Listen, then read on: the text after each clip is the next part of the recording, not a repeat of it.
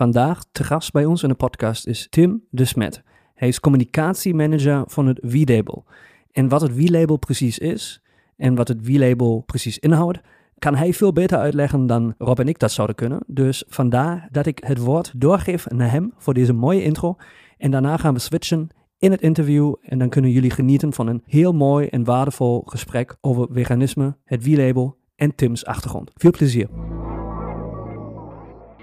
V-Label is dus een van de, de grootste um, organisaties die eigenlijk uh, labels voorzien voor vegetarische en veganistische producten. We zijn begonnen in 1996 in Zwitserland. En we hebben momenteel meer dan 50.000 producten en 4.300 uh, merken in feite uh, die gelicentieerd zijn. En de meeste mensen kennen ons inderdaad aan de hand van het uh, heel groene uh, logo, uh, label in feite, op al die producten. Um, ik heb ook goed nieuws op dat vlak, want um, het was voor mij ook vroeger in het verleden wat verwarrend. Het vegetarisch logo zag er nagenoeg volstrekt hetzelfde uit als het veganistische. En ja, sinds begin januari hebben we dus een nieuwe variant voor het vegetarische vooral. Dus het wordt gemakkelijker om te differentiëren. En dus kunnen we nog beter flexitariërs, vegetariërs en vegetariërs helpen die juiste keuzes te maken um, ja, van, van wat ze effectief willen consumeren. En andere andere kant, en dat is ook heel belangrijk, kunnen we meer en meer merken pushen om eigenlijk veganistische producten um, eigenlijk te gaan ontwikkelen. En ook als dus aan te geven aan uh, mogelijke klanten. Um, want dat is iets dat, dat we natuurlijk uh, steeds voorop uh, steken. Je zal dat ook zien in alles dat we doen qua marketing, bijvoorbeeld onze sociale media, we pushen enkel de veganistische producten. Dus uh, we zijn inclusief, maar we willen natuurlijk een volledig veganistische wereld. Welkom bij het Vegan Geluid, de podcast voor een plantaardige toekomst. Wat eten we vandaag? Is het zo moeilijk als het lijkt? Goddelsom en geniet van de reis.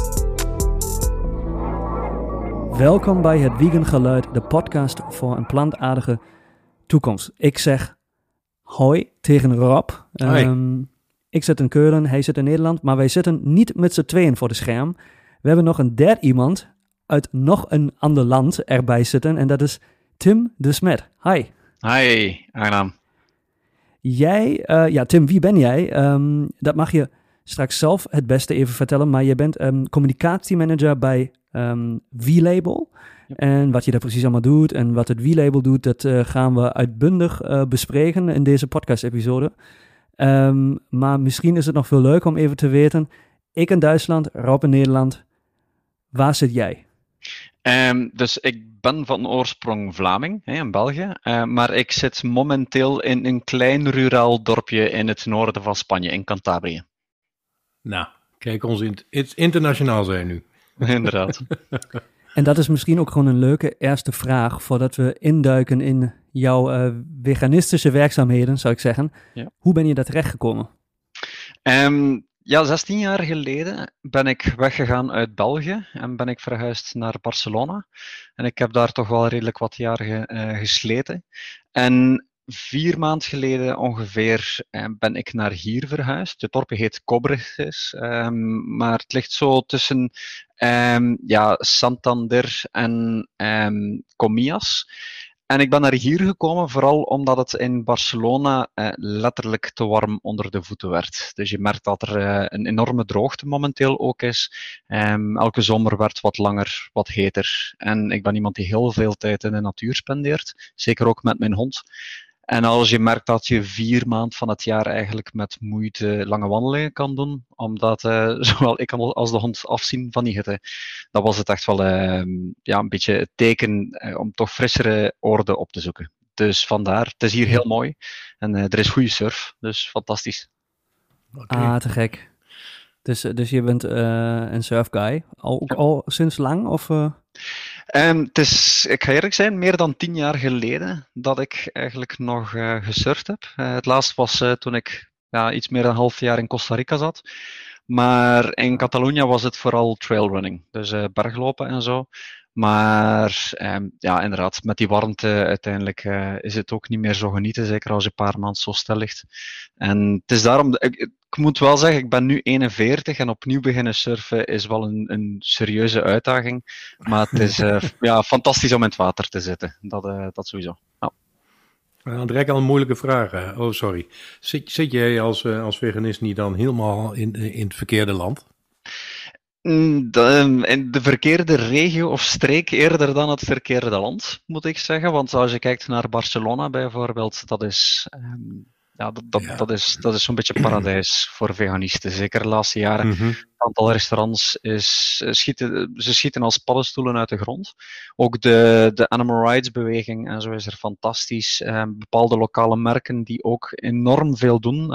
Eura bijvoorbeeld, uh, Spaanse vleesvervanger, ligt hier overal op de schappen. Dus daar bloeit het enorm. Maar inderdaad, waar ik hier zit in Cantabria, komt het inderdaad wel nog serieus achter. Dus hier is het moeilijk. Er is in um, heel Santander, uh, de grootste stad hier dichtbij, één veganistisch restaurant. En die openen uh, ja, twee uurtjes elke dag. En that's it. Ah, ja, ja. Dus het is heel moeilijk. Maar ja, des te meer reden natuurlijk om, uh, om hier een beetje lokaal de push te geven ook naar meer veganistische opties. Ja, ja dat, is, dat is wel een uitdaging. Want ik ken uh, Spanje van mijn zwager, woont er al 30 jaar geloof ik in Zuid-Spanje, uh, tussen ja. Granada en Gein. En daar loop je in ieder geval in Noord-Spanje dan nog één veganistisch restaurant voor op hem.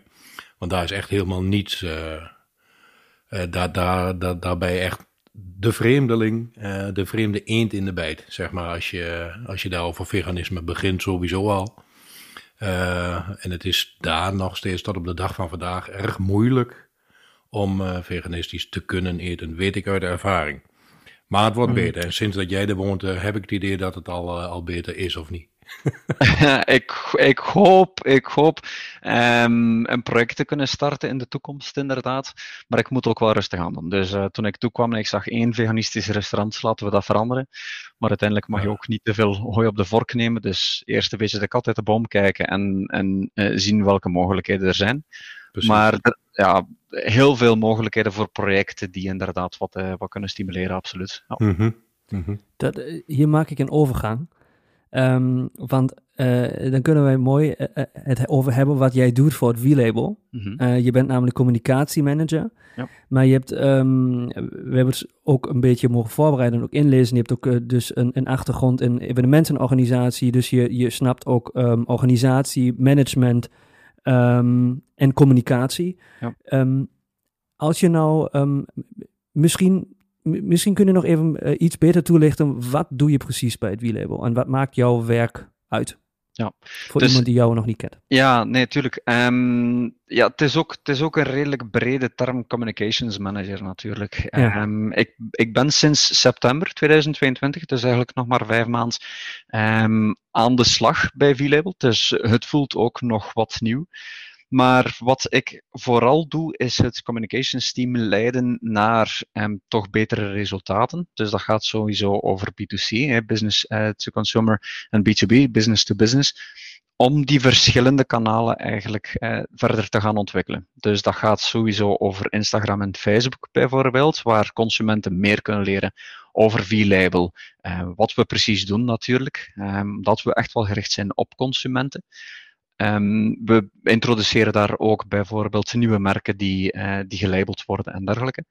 Maar het gros is toch wel de B2B. De focus op bedrijven die nog niet uh, een label dragen en die dat eigenlijk beter zouden kunnen doen. Dus we organiseren webinars. We hebben in maart eentje uh, voor vegan fashion bijvoorbeeld. Um, en dan gaat het ook over bijvoorbeeld de ontwikkeling van LinkedIn en dergelijke. Eh, whitepapers ook, publicaties. Maar ook alles wat we gebruiken op trade fairs, um, mogelijke collaboraties bijvoorbeeld met media, um, kanalen en dergelijke. Um, verschillende organisaties. Dus het is heel breed en dat maakt het eigenlijk uh, een uitdaging, maar wel heel interessant. Is het vaak zo dat jullie, dat, dat jullie naar bedrijven toe gaan of dat jullie ook, uh, dat bedrijven ook naar jullie toestappen? Of, of is het allebei of wat is meer, wat is minder? Ja, het, het werkt natuurlijk in twee richtingen. Dus we proberen inderdaad um, sowieso via de internationale kanalen, maar ook via onze partners uh, die bedrijven uh, te bereiken. De partners die wij hebben, en dat maakt V-Label voor mij ook zo interessant, zijn lokale partners. Dus in de 37 landen waar we ook um, die partners hebben, dat zijn lokale organisaties. Dat is in Nederland bijvoorbeeld de Vegetariërsbond. In België is dat voorheen EVA, nu ProVeg Belgium. En zij werken vooral met die merken die in dat land gevestigd zijn, of toch daar de productie doen. En die er dus eigenlijk voor zorgen dat die communicatie lokaal kan lopen, dat er eigenlijk goede um, customer service is naar die merken. Maar natuurlijk proberen wij ook met onze reach die merken te overtuigen van te gaan kijken, ofwel als ze veganistische en vegetarische producten, producten hebben, van inderdaad te gaan labelen. Daar willen we ook wel duidelijk aangeven wat de voordelen zijn aan de hand van consumer service, bijvoorbeeld um, inzichten uh, in de markets en dergelijke. Maar inderdaad ook mm, voor bepaalde merken, als we die willen overtuigen, gaan we ook effectief bepaalde marketing packages samenstellen. Dus zo kunnen we eigenlijk uh, de partners ondersteunen om ja, toch iets meer merken te gaan bereiken. Oké, oké. Ik heb dit, dit, dit, blokje heb ik nu, uh, want ik had voor mezelf een paar dingetjes opgeschreven. Er komen al twee vragen naar boven die je hierin voor mij in ieder geval niet helemaal uh, duidelijk hebt beantwoord. en voor de, voor de luisteraar denk ik zeker niet. Mm Vraag die ik net wou stellen al, is dat er op jullie site, en ik, ik hoor wat jullie allemaal doen, en de business to business en business to consumer, dat jullie daar erg bovenop zitten en, en ook best een heel groot bereik in hebben, als ik dat zo goed begrijp. en dan zie ik op jullie site staan dat uh, V-label verder gaat dan het label of het certificaat zelf. Um, um, omdat jullie ook nog verder meedenken. Kijk, en dan hoor ik je net zeggen van we doen webinars en bla bla bla bla. En dat is natuurlijk is dat heel mooi uh, voor, de, voor, de, uh, voor het bewustzijn van de, en de cons eh, consument, maar ook voor, de, uh, voor het bedrijf. Um, maar wat doen jullie concreet om een bedrijf te helpen? Dus stel dat ik nu morgen met mijn bedrijf een V-label aanvraag en het ook nog zou krijgen. Ja wat kunnen jullie dan voor ons doen, behalve dat certificaat uitdelen? Ja, nee, dat is, uh, dat is eigenlijk een heel goede vraag. Bijvoorbeeld voor, uh, en het is een heel concreet voorbeeld uh, dat heel relevant is nu, voor onze Fashion Week in maart. Um, organiseren we dus de webinar, maar ook op Instagram gaan we bijvoorbeeld een giveaway organiseren, waar mm -hmm. merken via de partners aan kunnen participeren. Wat wil zeggen dat eigenlijk um, fashionmerken uh, die reeds een label uh, dragen, die reeds, uh, reeds een licentie hebben, kunnen zo participeren en eigenlijk mensen kunnen dan door te taggen en te reposten bijvoorbeeld um, een, een item ook zo winnen. Dus wij vragen aan de partners dan bijvoorbeeld welke merken kunnen geïnteresseerd zijn. Kan je die alsjeblieft bereiken om te kijken of ze inderdaad willen, willen deelnemen. Mm -hmm. En dan krijg je natuurlijk wel redelijk wat bereik op sociale media. Uh, voor die B2C op, uh, op Instagram dan voornamelijk. Dus sowieso geven we um, al de kans om te participeren in al die kanalen. Ook met webinars bijvoorbeeld. We hebben ook andere projecten. Um, bijvoorbeeld uh, de awards. Um, mm -hmm. de, we hebben al twee edities gehad. We zijn nu heel hard bezig aan de voorbereiding van de derde editie, die in samenwerking zal gaan met een organisatie die ik nog niet mag noemen, omdat net volgende week eh, daar wat meer beslist zal worden. Maar het is een project dat enorm aan het groeien is en waar we eigenlijk honderden merken ook um, in hebben die participeren. En dat is wereldwijd. En we hopen eigenlijk um, meer dan duizend producten in die awards te hebben in 2023 daar. Oh, kijk aan. Dus, ja, dus dat genereert heel veel zichtbaarheid. En dat genereert eigenlijk ook um, wat meer vertrouwen. Um, er zijn nog een paar andere projecten um, die er aankomen, die ik ook jammer genoeg nog niet uh, mag noemen. En daarvoor uh, zullen mensen eigenlijk de kanalen in, in het oog moeten houden. Ja. Maar het typeert momenteel ook een beetje V-label, omdat het internationaal team de laatste maanden enorm is gegroeid. En dat we nu eigenlijk de capaciteit hebben om die extra um, projecten op te zetten en mhm. meer te bieden eigenlijk aan de merken die een label dragen. Dus dat het niet enkel het label is, maar dat ze op andere vlakken ook worden ondersteund.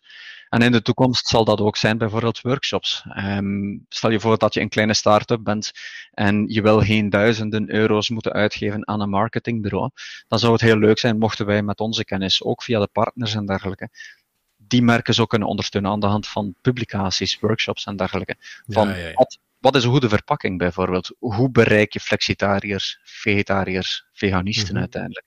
Mhm. Dus het, het, ja, het, heeft vele, het heeft vele dimensies. Oké, en eh, om bij die laatste uh, veganisten hoor ik je nu zeggen, uh, en deel 2 van mijn vraag was, uh, is ontstaan uit het feit dat je het net al noemde dat de Vegetariërsbond, maar ook Proveg, sinds kort had ik begrepen, want Proveg heeft overgenomen van, dacht ik. Um, erg betrokken zijn bij jullie en, en, en jullie werk ook delen. Um, hoe zit dat met de, vegeta de Veganistenbond, de NVV, in Nederland? Want die kom ik op jullie site eigenlijk niet tegen. En het enige wat ik van hun zie is dat zij een eigen vegan-friendly label op de markt zetten. gratis weliswaar. Um, ja. Dus dat zit wel een beetje in dezelfde lijn, maar ik zie nergens een link met jullie. Klopt dat? Nee, dat, dat klopt. Uh, wij hebben inderdaad normaal gezien per land één uh, partner, inderdaad. Um, dat verschilt heel hard per regio. Dus soms zijn dat um, organisaties die inderdaad strikt uh, uitsluitend op het veganisme richten, bijvoorbeeld. Andere die inderdaad breder zijn, zoals de Vegetariërsbond. Maar um, ja, dat, dat is vaak ook zo, omdat dat, ja, hoe zal ik het zeggen, um, die overeenkomst al redelijk lang is gesloten. Dus uh, daar zit zo voor een stuk die jarenlange uh, samenwerking reeds bij. En uh, het, mm -hmm. het, voordeel is dat we eigenlijk zo echt wel heel veel bereik hebben. Um, en er komen ook steeds nieuwe partners bij. Dus in de toekomst, uh, over enkele weken of, of, enkele maanden, gaan we eindelijk ook um, vijf nieuwe andere partners kunnen aankondigen in verschillende landen. En vaak is het inderdaad kijken van wat is de beste partner voor die samenwerking. Want het is inderdaad zo dat we zeker niet het enige label zijn voor vegetarische en veganistische producten. Dus ik zou die labels niet ook noodzakelijk concurrenten uh, willen noemen, omdat we uiteindelijk allemaal hetzelfde doel uh, hebben. En dat is niet de persoonlijke verrijking, maar inderdaad ervoor zorgen dat de wereld steeds meer veganistisch wordt. Um, ja, ja, ja, ja zo, had ik, uh, zo had ik dat ook niet gezien, want uh, de, de NVV doet het bijvoorbeeld ook gratis. Dus als ik als mhm. bedrijf uh, een vegan-friendly logo wil, dan komt daar natuurlijk wel een soort van toetsing overheen. Ja. Um, dus daar, daar is ook nul uh, zaak van concurrentie. Dat, dat ja. zou, zou ook heel raar zijn. Ja. maar het viel me op dat die, dat die link tussen jullie, maar dat zal dan via de Vegetariërsbond lopen, dat die er niet was. Ja, nee, dat, dat, dat is inderdaad zo. Dat is nu eenmaal omdat we een andere partner hebben in Nederland, inderdaad. Ja, duidelijk. Ja, en waarschijnlijk begin je, begin je ergens. En uh, wat, je, wat je ook over jezelf uh, zegt, is dat jij volgens mij ook altijd de balans zoekt tussen idealisme en pragmatisme. Ja. Dus dat je, het, het is, vaak is vegetarisch natuurlijk ook wel de goede weg richting veganisme. Um, en moet je die ook gaan bewandelen om mensen die nog helemaal dicht zitten als ze het woord vegan horen, misschien wel veel makkelijker kunnen bereiken, bereiken via die vegetarische weg. Hè? Ja. Dus, um, dus, proberen wij met de podcast ook trouwens. Dat wij ja. Um, ja. dat ook altijd laten instromen. En ja, uh, proberen ook die, die kant mee uh, bij te pakken. Want wij hebben natuurlijk ook uh, mensen die luisteren en, en wellicht vegan willen worden omdat dat ze vegetarisch zijn. Maar misschien ook mensen die helemaal niet bezig zijn met geen vlees. Maar nu zeg maar de eerste proefje willen willen krijgen van uh, wat kun je eigenlijk doen. En dan is vegetarisch natuurlijk de weg, de pra pragmatische weg naar, naar ja. veganisme. Ja, nee, dat, ja. dat, dat is zeker zo. Ja. Um, Eén vraag heb ik, omdat je het woord vertrouwen noemde. Um, hoe, als, als jullie, um, stel er komt een nieuw product uh, en het is het idee omdat het product, uh, omdat het veganistisch is, een wie-label vegan krijgt. Ja. ik als consument en ik denk dat is, dat is wel een belangrijke. Um, heb natuurlijk vaak niet de tijd of geen zin om alles door te lezen. En dan is zo'n wie-label natuurlijk voor mij, als ik in de supermarkt sta, de meest makkelijke manier. Ik pak het gewoon en ga naar de kassa en klaar is klaar. Ja. Ehm, maar hoeveel vertrouwen kan ik hebben? Is dat ook wel eens misgegaan? En hoe toetsen jullie dat? En uh, hoe kunnen jullie vertrouwen waarborgen? Dat is denk ik wel een hele belangrijke vraag, want het is gewoon, ja, denk ik voor consumenten dan nou de meest belangrijke keuze, zeg maar, voor producten als dat label op zit. Ja, Nee, tuurlijk. En, en daar wil ik ook wel heel voorzichtig in zijn. Want laten we hmm. eerlijk zijn. Um, ten eerste, bij productie kunnen altijd fouten worden gemaakt. Dus uh, vandaar zie je ook vaak op verpakkingen kan sporen bevatten van.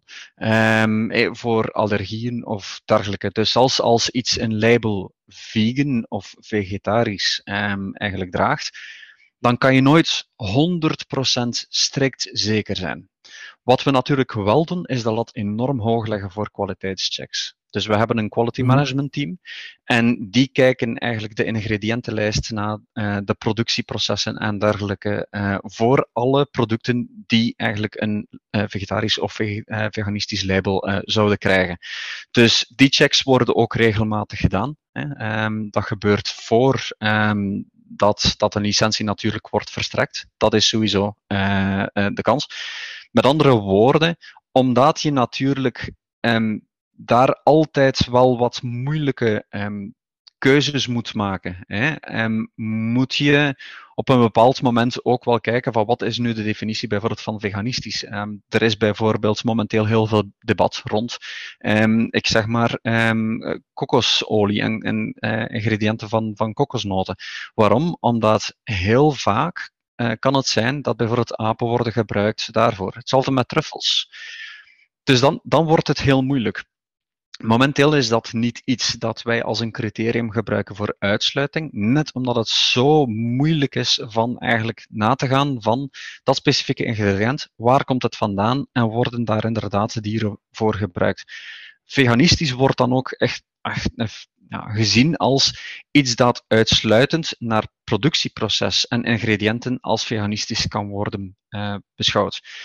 Maar zelfs daar kan je eigenlijk nog strikter gaan, want de verpakking van um, iets, uh, waar een, zeg maar een, een, doos met een, een veganistische kaas, die inkt kan heel goed niet veganistisch zijn moet je daar dan ook gaan zeggen, ja, maar zolang die inkt bijvoorbeeld niet veganistisch is, kan je dat product niet gaan labelen. Dus op een gegeven moment moet je inderdaad wel um, ja, bepaalde duidelijke definities hanteren om ervoor te zorgen dat tenminste de producten die mensen consumeren voldoen aan wat de meeste mensen ook zien als vegetarisch of veganistisch. Dus daar zijn we eigenlijk in lijn ook uh, met uh, de ISO-definitie uh, van veganisme. Ja, nou ja, nou hebben jullie, uh, heb ik gezien en ik heb het ook uitvoerig doorgelezen, uh, de definitie van de vegetariër uh, en de veganist vrij duidelijk op papier gezet. Dat moet ook wel, want anders, en dat gaf je zelf net al aan, zou je ook juridische claims aan de, aan de broek kunnen krijgen als daar verschillen zitten. en om dan even bij de vraag van Alex terug te komen, want dat is ja, mijn vraag ligt in dezelfde lijn, misschien wel een beetje hetzelfde. Uh, A is het vertrouwen van de klant daarin natuurlijk heel erg belangrijk. Dat weet ik zelf als geen ander. Alex net zo. Als ik wat pak in de supermarkt, wil ik gewoon dat het klopt. Ja. Uh, nou ja, er is al een paar keer voorgekomen dat supermarkten uh, het niet kloppend in de schappen hebben liggen. Nou, dat is niets vervelender dan dat. Mm Nu toetsen jullie naar alle criteria die jullie ook uitgevoerd, uh, uitvoerig sorry, op jullie site hebben staan. En dan lees ik, dan kan er controle plaatsvinden. wil dus niet zeggen dat dat gebeurt, maar is er dan van jullie ook controle bij het bedrijf? Dus stel nu weer, ik neem mezelf als voorbeeld, ik heb vanaf morgen een V-label gekeurd product uh, in mijn zaak. Mm um, en dat is mooi, er staat V-labeltje op en ik verkoop dat en ik ben daar trots op. En vervolgens doe ik uh, twee weken later, verander ik dat product heel iets. Um, Waardoor die misschien helemaal niet meer vegan is, maar aangezien het V-label uh, ook commercieel heel interessant is, uh, doe ik daar verder niets mee en hou ik me daar lekker over stil.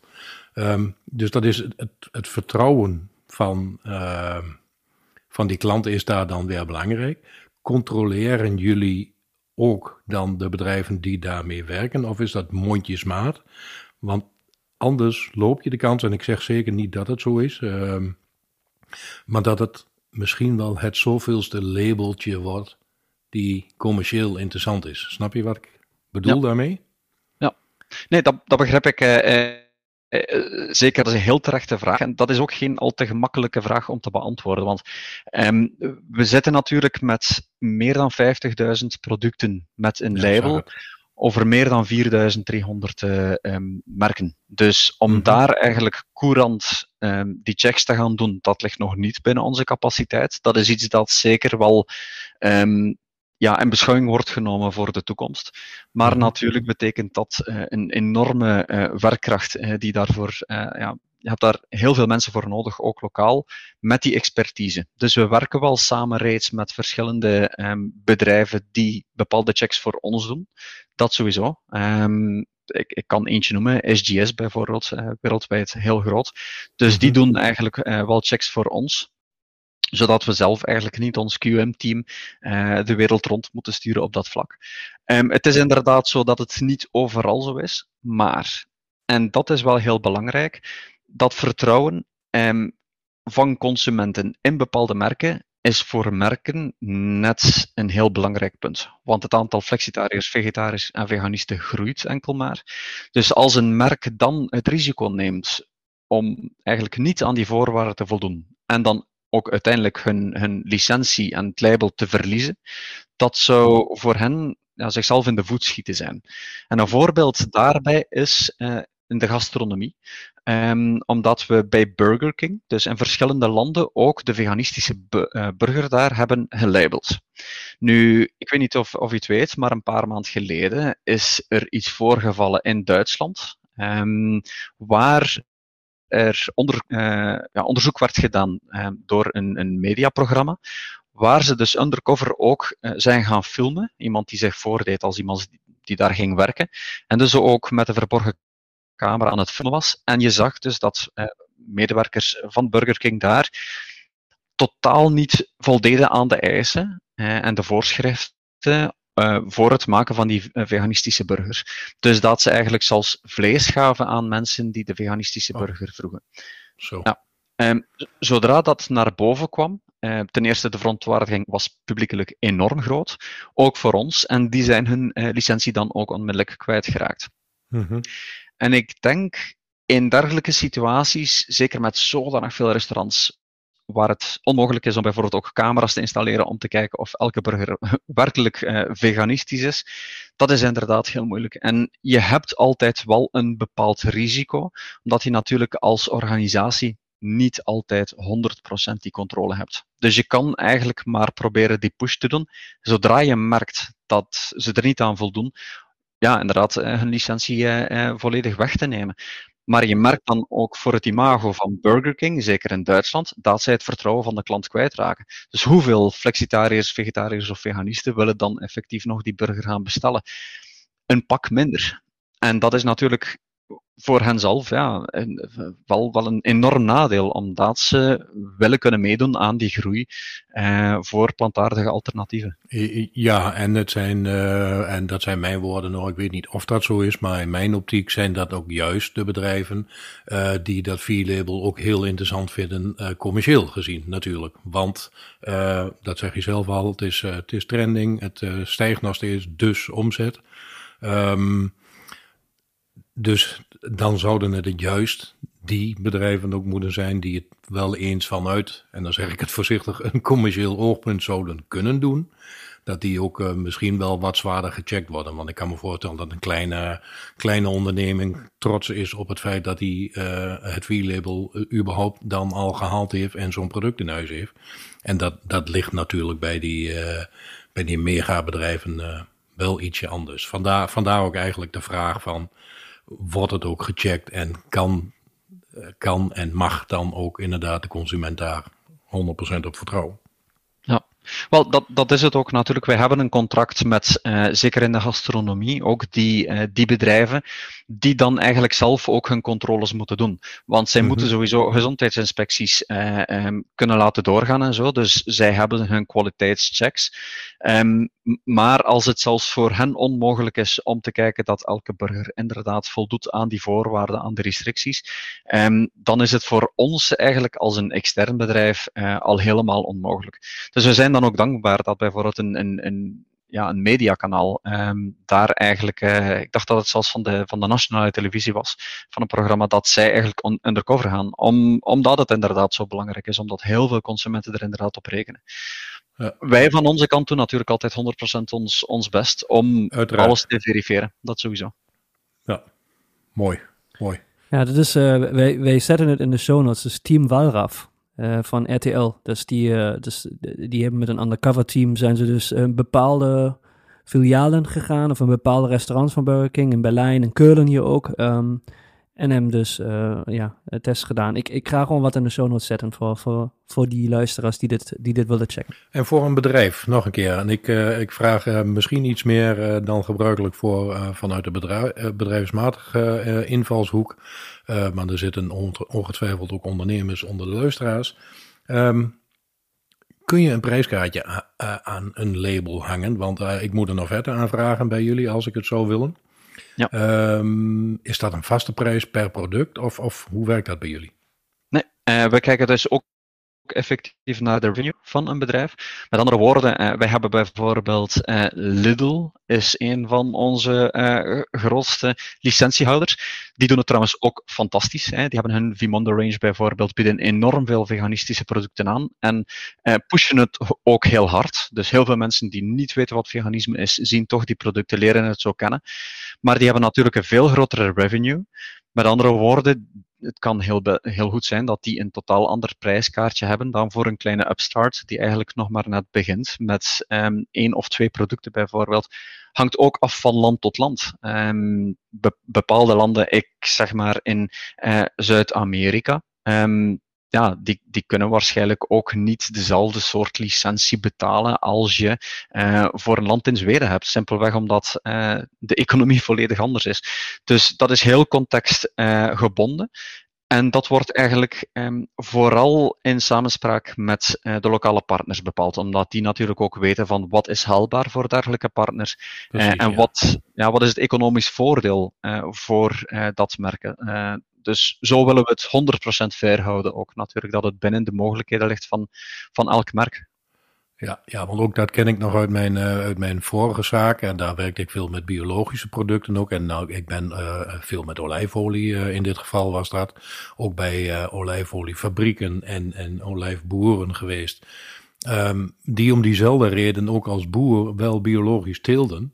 Maar gewoon het certificaat biologisch niet konden betalen. Uh, en daarom is, en dat is met, met alle producten zo, maar daarvoor zijn heel veel producten dus domweg ook gewoon nog niet biologisch in de schappen, terwijl ze dat eigenlijk al lang zijn, omdat uh, de producent het zich niet kan veroorloven. Ja. Um, maar dat doen jullie dus anders, begrijp ik. Ja, dat, dat doen we inderdaad ook anders.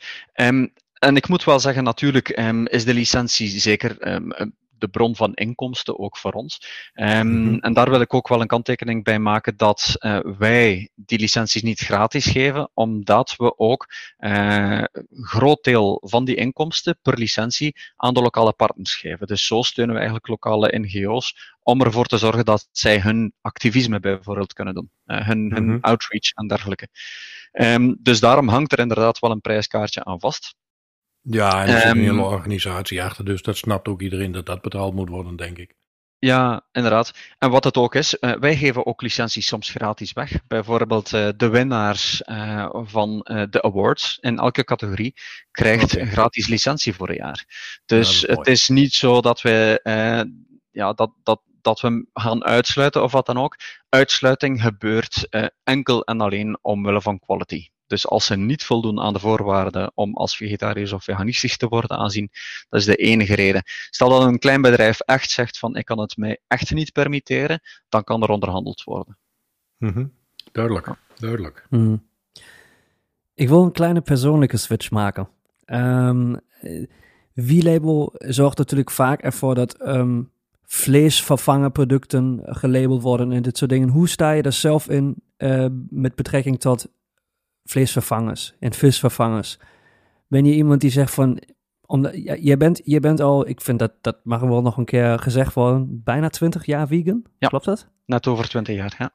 Ja, uh, hoe, hoe, hoe um, eet je zelf dan? Is, zeg je van, uh, ik vind het, uh, vind het iets wat ik vaak eet? Of, of ben je wel um, meer richt, neig je meer richting whole foods? Ik vraag omdat, je, nou ja, je bent met sport bezig, je bent vaak in de natuur en dit soort dingen. Hoe, hoe kijk je daar zelf naar? Zeg maar, hoe eet je zelf vegan?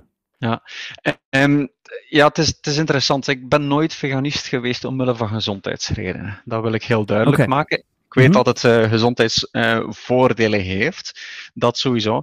Maar ik ben inderdaad 20 jaar geleden veganist geworden, na een halfjaartje uh, vegetariër te zijn. Um, in de eerste plaats natuurlijk voor dieren, uh, dat sowieso. Ja.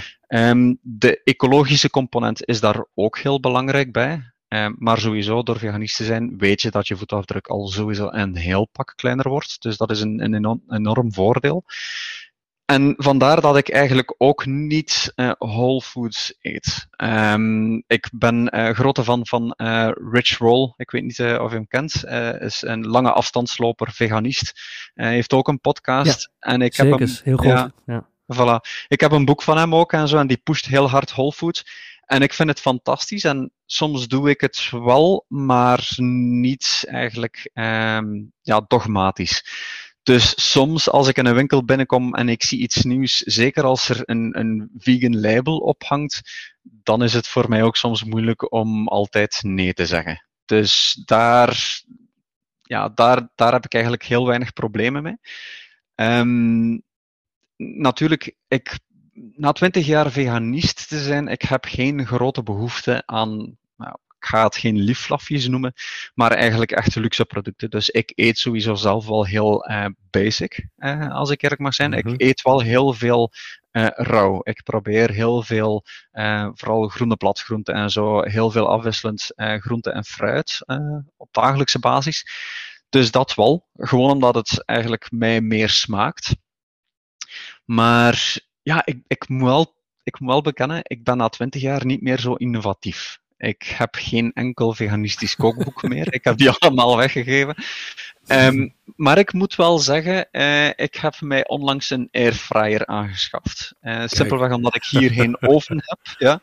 En omdat het eigenlijk ook minder consumeert dan een traditionele oven. En dat het mij ook wel toelaat van um, ja, bepaalde, misschien leuke nieuwe gerechten uh, um, te maken.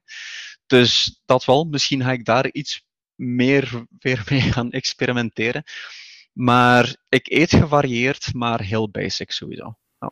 Nou ja, die airfryer kun je heel leuke dingen mee, uh, mee maken. Hoor. Ook, ook voor de veganist. En ja, zonder frituurvet uh, kom, je, kom je een heel eind dus. Voilà, ja, inderdaad. Leuk. Nog, nog een, uh, een uh, kleine persoonlijk vraagje dan. die hebben we al vaker gevraagd aan interviewgasten met name. want ik heb gehoord waarom jij dan in eerste instantie veganist bent geworden. Wij hebben al vaker gevraagd, uh, en ik denk dat ik het antwoord wel weet, maar ik vraag het jou toch. Uh, wat denk jij vanuit jouw optiek en jouw achtergrond en, uh, en je ervaring met V-Label is de snelste en makkelijkste manier om zoveel mogelijk mensen te inspireren om plantaardig te gaan eten? Dat is een heel moeilijke vraag. Had ik daar het antwoord op, dan, dan deed ik dat sowieso. Um, ik heb een redelijk eclectische achtergrond qua activisme. Dus ik heb heel veel presentaties gegeven, bijvoorbeeld ook in uh, secundair onderwijs in België, ook een paar aan de universiteit en dergelijke. En ik ga eerlijk zijn, ook al is dat geen structurele interventie, dat is eh, op individueel vlak dat vond ik enorm inspirerend. Zeker omdat ik ooit eh, dan eh, verschillende leerlingen van dezelfde klas ben tegengekomen een paar maanden later. En die zeiden mij dat een groot deel van de klas eigenlijk eh, eh toch zeker vegetari vegetariër of zelfs veganist is geworden. En dat gaf mij echt wel de indruk van ja, persoonlijk activisme kan zeker wat teweeg brengen uiteindelijk. Hè? Want, want iedereen die veganist wordt uiteindelijk kan wel iemand anders nog overtuigen en dergelijke. Maar ik ga eerlijk zijn, ik denk niet dat we daar de grote winst mee maken. Ik denk dat um, iets zoals uh, Veganuary bijvoorbeeld fantastisch is. Um, voornamelijk, en daarom dat ik denk dat labeling ook wel belangrijk is, het mensen zo gemakkelijk mogelijk maken om af en toe, als ze zelfs geen volledige veganist willen worden of zo, um, het heel gemakkelijk hebben die producten te gaan vinden. Een kleine supermarkt om de hoek, uh, local grocer of een, een enorme retailer bijvoorbeeld. Zolang je binnen, binnenwandelt en je ziet um, links van je vlees, rechts een vleesvervanger en daar staat duidelijk vegan op. Als die keuze even gemakkelijk is, dan denk ik dat we heel snel heel veel mensen zover kunnen mm krijgen. Mm -hmm. We mogen niet vergeten dat er een heel grote lobby is die nog altijd natuurlijk eh, vecht tegen die vooruitgang. Um, ja. Wettelijk gezien, wat mag je een worstje noemen of niet? Het lijkt ridicuul, maar het maakt eigenlijk. Ja, de discussie is er. Ja, ja, ja. Inderdaad. Ja. Um, los van eigenlijk het plantaardige, um, ik zou het zelf niet eten omdat ik er geen behoefte aan heb. Maar ik geloof ook echt wel bijvoorbeeld in het kweekvlees. Um, ik denk dat dat ook wel heel veel zoden aan de dijk kan zetten. Simpelweg omdat je dan die boerderijen en slachthuizen niet meer nodig hebt. Um, dus puur utilitaristisch gezien, hè, naar, naar pure dierenwelzijn, gaat dat heel veel teweeg brengen. Ook al kan je het niet als plantaardig beschouwen. Ik denk ook wel dat het een, een zijstroom is, iets parallel dat ik toch wel redelijk wat, uh, wat hoop in heb. Dus um, ik denk dat beide enorm belangrijk zijn. Maar de gemakkelijkste manier om mensen eigenlijk um, te tonen wat plantaardig eten kan zijn, is bijvoorbeeld wat jullie doen, die outreach. En, en heel duidelijk communiceren en op een ja, pragmatische manier met mensen omgaan. Want we weten allemaal, het is niet altijd zo gemakkelijk om die overgang te maken. Nee, er zijn heel veel vooroordelen. Hey, ik had zelf enorm veel cognitieve dissonantie uh, voor ik vegetariër werd. En het heeft heel veel moeite gekost. Ik denk dat we vooral gewoon empathisch moeten zijn en um, ja, een heel goed voorbeeld uh, zijn voor mensen. Mm -hmm. Dat is ja, om die nabij te behouden. Ja. Dat is ja. een heel mooi antwoord. Heb, um heb jij. Ik bedoel, twintig jaar geleden ben jij vegan geworden. Mm -hmm. ik, sorry, ik moet het nog een keer aanhalen, want dit is gewoon voor, voor, uh, voor mij. Ik bedoel, wij zijn, weet je, hoe lang zijn wij uh, vegan op? Zeven jaar? Acht jaar? Iets, zoiets. zoiets in die trant. Ja, jij maar, in ieder geval. dit ja. is gewoon meer dan het dubbele van die tijd. En, um, in, in, in, het was al zeven, acht jaar geleden wel een uitdaging. Um, ja. Veel meer dan nu. Mede dank aan het wielabel. Um, Zeker. Maar wat was het, wat is het verhaal, of was daar één moment bij Rob, was het, het door je vis op het bordje opeens die moment om daarnaar te kijken en te beseffen, wat ben ik hier aan het doen? Heb jij die moment gehad en wat is het, is er, zit daar misschien een verhaal bij? Ja, dat, dat, dat is er zeker. Nu, ik, ik wil het wel in context plaatsen. En zeven of acht jaar veganist, laat werk zijn jongens, dat is al een hele tijd. Dat is fantastisch. En aan de andere kant, als iemand al één dag veganist is, dan is dat al een hele overwinning. Is dat ook mooi? Um, ja. Dat is, dat, voor mij is dat belangrijk. Um, dat we eigenlijk, ja, het is, het is inderdaad leuk om te kunnen zeggen van ik ben 20 jaar veganist en volgend jaar zal het de helft van mijn leven zijn dat ik veganist ben. Dat is inderdaad heel leuk om kunnen zeggen. Maar ik ken mensen um, die al ja, meer dan 30 jaar veganist zijn. En daar kan ik dan hetzelfde tegenover zeggen van wauw, zo lang had ik maar eerder begonnen of wat dan ook. Um, zolang we er komen, denk ik dat we goed bezig zijn. Nu, mijn verhaal is, ja, ik kom, ik kom van de, uh, de punk- en hardcore scene in België. En mm-hmm. Al sinds um, ja, de, jaren 80, 90 is daar een heel grote beweging. Uh, zeker bij de, de Hate Thousands uh, beweging. Bands zoals Liar bijvoorbeeld hebben enorm veel mensen geïnspireerd om uh, veganistisch te gaan leven en ook ja, bewuster in het leven te staan door straight te worden bijvoorbeeld. En hebben heel veel um, teweeggebracht bij jonge mensen. Die echt wel zo zagen van een, een redelijk onverbloemde boodschap van dierenleed hoort niet, we kunnen anders. En toen waren er absoluut niet de mogelijkheden die ik zelfs had in 2002, bijvoorbeeld.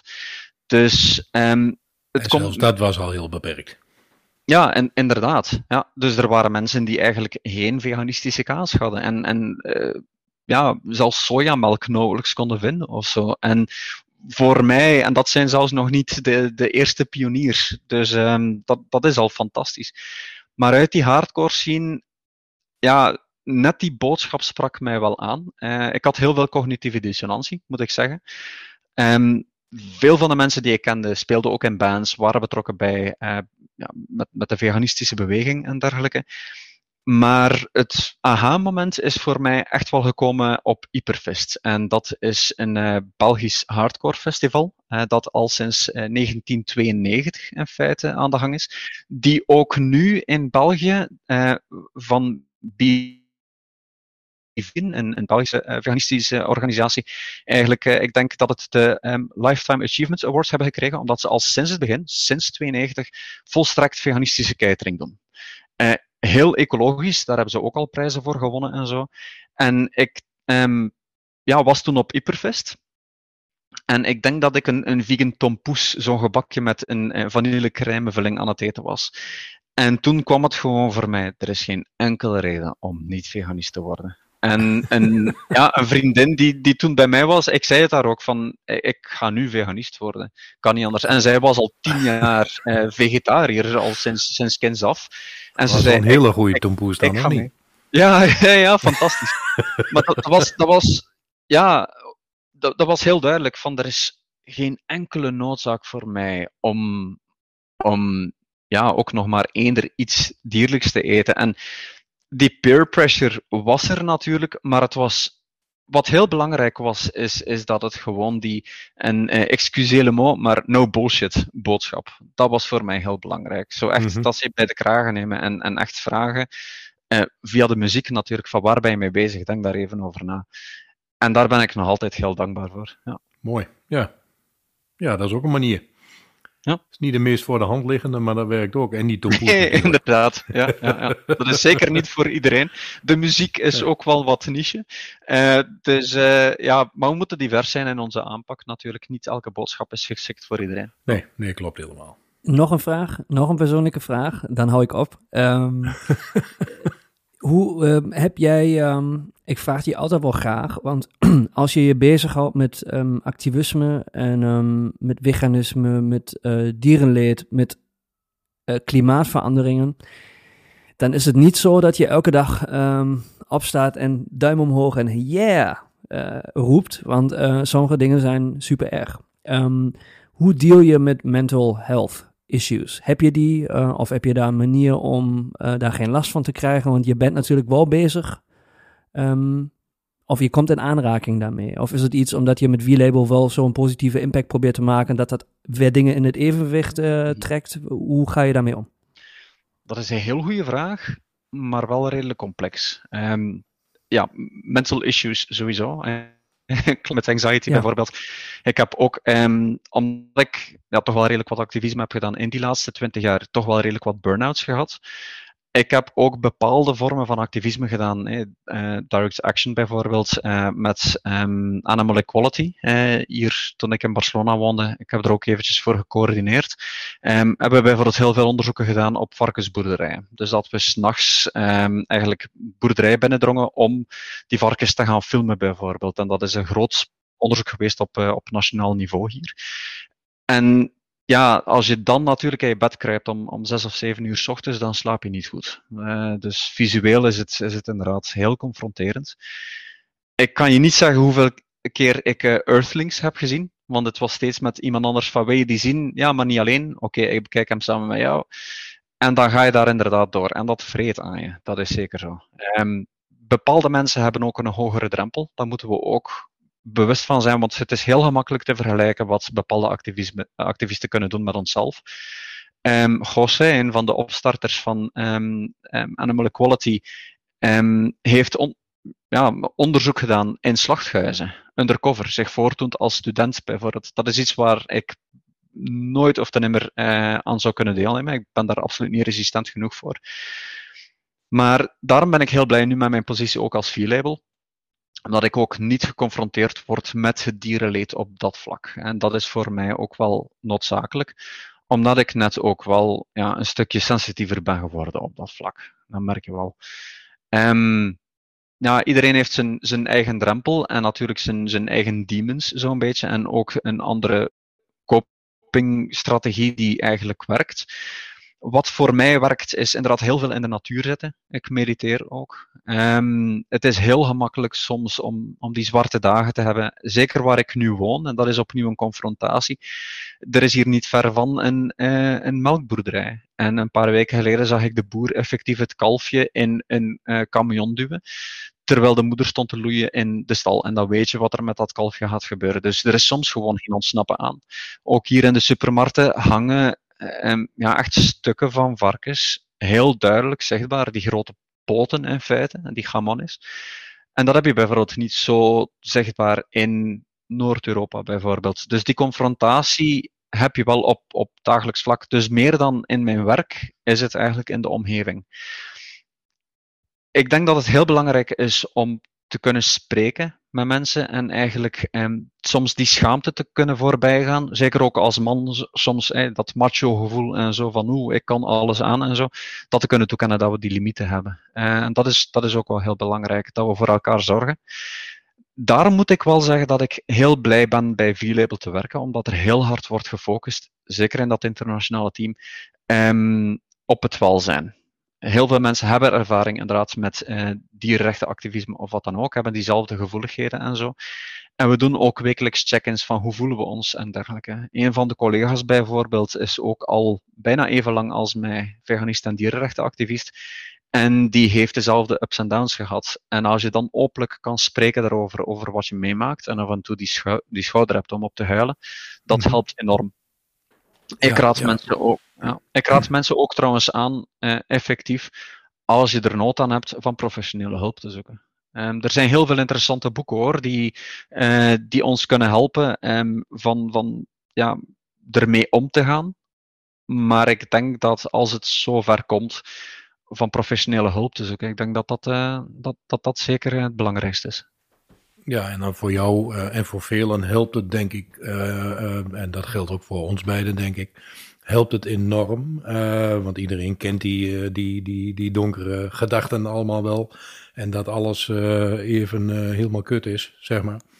Um, dat je voor jezelf, en dat doe jij ook, en dat doet V-Label ook, en dat proberen wij ook met onze podcast, dat je toch ergens het verschilletje maakt. Want dat geeft in ieder geval voor ons, en ik denk ook voor jou, toch wel weer zo'n enorme drive en goed gevoel uh, tegenover al die andere gedachten die, die, die het soms ook overheersen. Maar ja, dat, dat is, wel dat is conversatie. Ja, inderdaad. Ja, maar daarom stel ik die vraag ook in de podcast steeds bewuster en vaker. En dus mooi wat je ook van antwoord geeft, ook, ook uh, vaak voor mannen heel moeilijk om over de eigen drempel te stappen en emoties ook um, uit te spreken, te laten zien. Um, Um, maar het, het leuke is natuurlijk ook met een podcast, als je luistert, je voelt je niet alleen. En als je dan zo'n vraag hoort en dan zo'n antwoord die van jou komt, die super reflecteerd is, dat helpt, helpt natuurlijk. Want je hebt het gevoel van, hé, hey, ik zit niet alleen. En als ik misschien zo niemand bij de hand heb waar ik daarmee over kan praten, omdat ik misschien toch wel eh, de enige ben die nou aan het wiegen worden is en iedereen is een beetje aan het lachen daarover of zo, dan heb je tenminste een blog die kan lezen of een podcast die kan luisteren. En daarom is mhm. het steeds belangrijker dat dit naar voren komt. Dat is zeker zo, ja, absoluut. Mooi. Te gek. Rob, heb jij nog een vraag? Uh, ja, een heel kort vraagje. Ik weet dan, dan uh, ook niet of dat een lang antwoord moet worden. Uh, ik had hem opgeschreven. Um, en dat is op dit moment heel recent in Nederland. Er is vanaf januari, hier heb je ongetwijfeld meegekregen, goedgekeurd door de EU dat wij krekelmeel mogen gaan verwerken in onze producten. Uh, nou ja, daar is wat voor te zeggen en die, die hele discussie wil ik ook niet aangaan. Um, weet jij wellicht, want ik hoor heel veel mensen nu al in de stress vliegen alleen bij het woord krekel. En uh, nou ja, het is ook om mee te beginnen natuurlijk niet veganistisch. maar ook dat er al gezegd wordt van ja luister maar als er maar zoveel 0,0% ergens in bloem zit of in gebak zit, dan hoeven ze het niet te vermelden. Is dat zo of, of zijn ze per definitie verplicht als het zo ver komt, want de supermarkten zijn er volgens mij ook nog lang niet echt klaar voor, dat zij het altijd moeten vermelden. Want anders worden in één keer heel veel dingen ook weer niet meer vegan.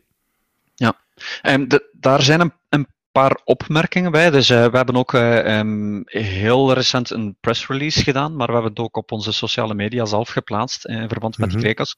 Ik wil even aangeven dat het niet de eerste regulation is van de EU. Dus het is al sinds 2021 in feite dat er bepaalde bedrijven zijn die de toestemming krijgen. Dus het is beperkt tot uh, enkele specifieke bedrijven, maar dat zet inderdaad de deur open voor uh, gebruik van um, ja, be bepaalde uh, larven ook, bijvoorbeeld krekels en dergelijke. Um, dus het kan inderdaad heel breed gaan. Als je eigenlijk de regulering doorleest, dan zie je ook dat ze aangeven dat het niet noodzakelijk is van een label erop te kleven of die waarschuwing, omdat er slechts enkele cases zijn van mogelijk allergische reacties. Dus uh, mensen die uh, allergisch zijn aan mijtstofmijt of uh, crustaceans, schaaldieren, inderdaad. Ja, ja, inderdaad.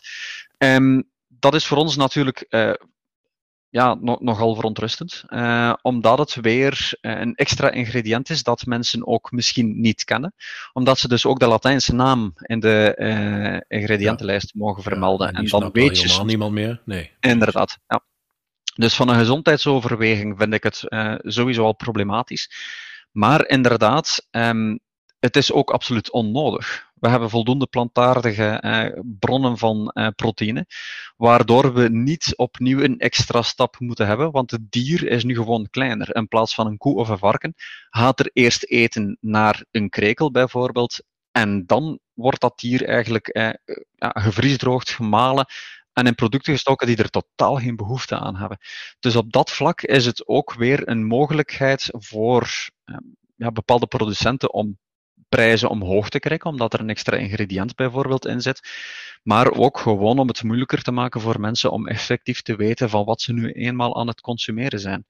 Dus op dat vlak, ja, het is, het is zeker problematisch. Vandaar ook dat ons label toch wel en alle andere labels die goede quality management uh, uh, regulering hebben, toch eigenlijk wel kunnen duidelijk maken aan mensen van wil je geen krekels uh, binnenkrijgen, wel, zodra er ook maar iets in zit, en dan gaat het niet over 0,05% of wat dan ook, er is gewoon geen tolerantie voor dat ingrediënt bij alles dat bij ons uh, uh, gelicentieerd wordt. Precies, duidelijk. Duidelijk antwoord.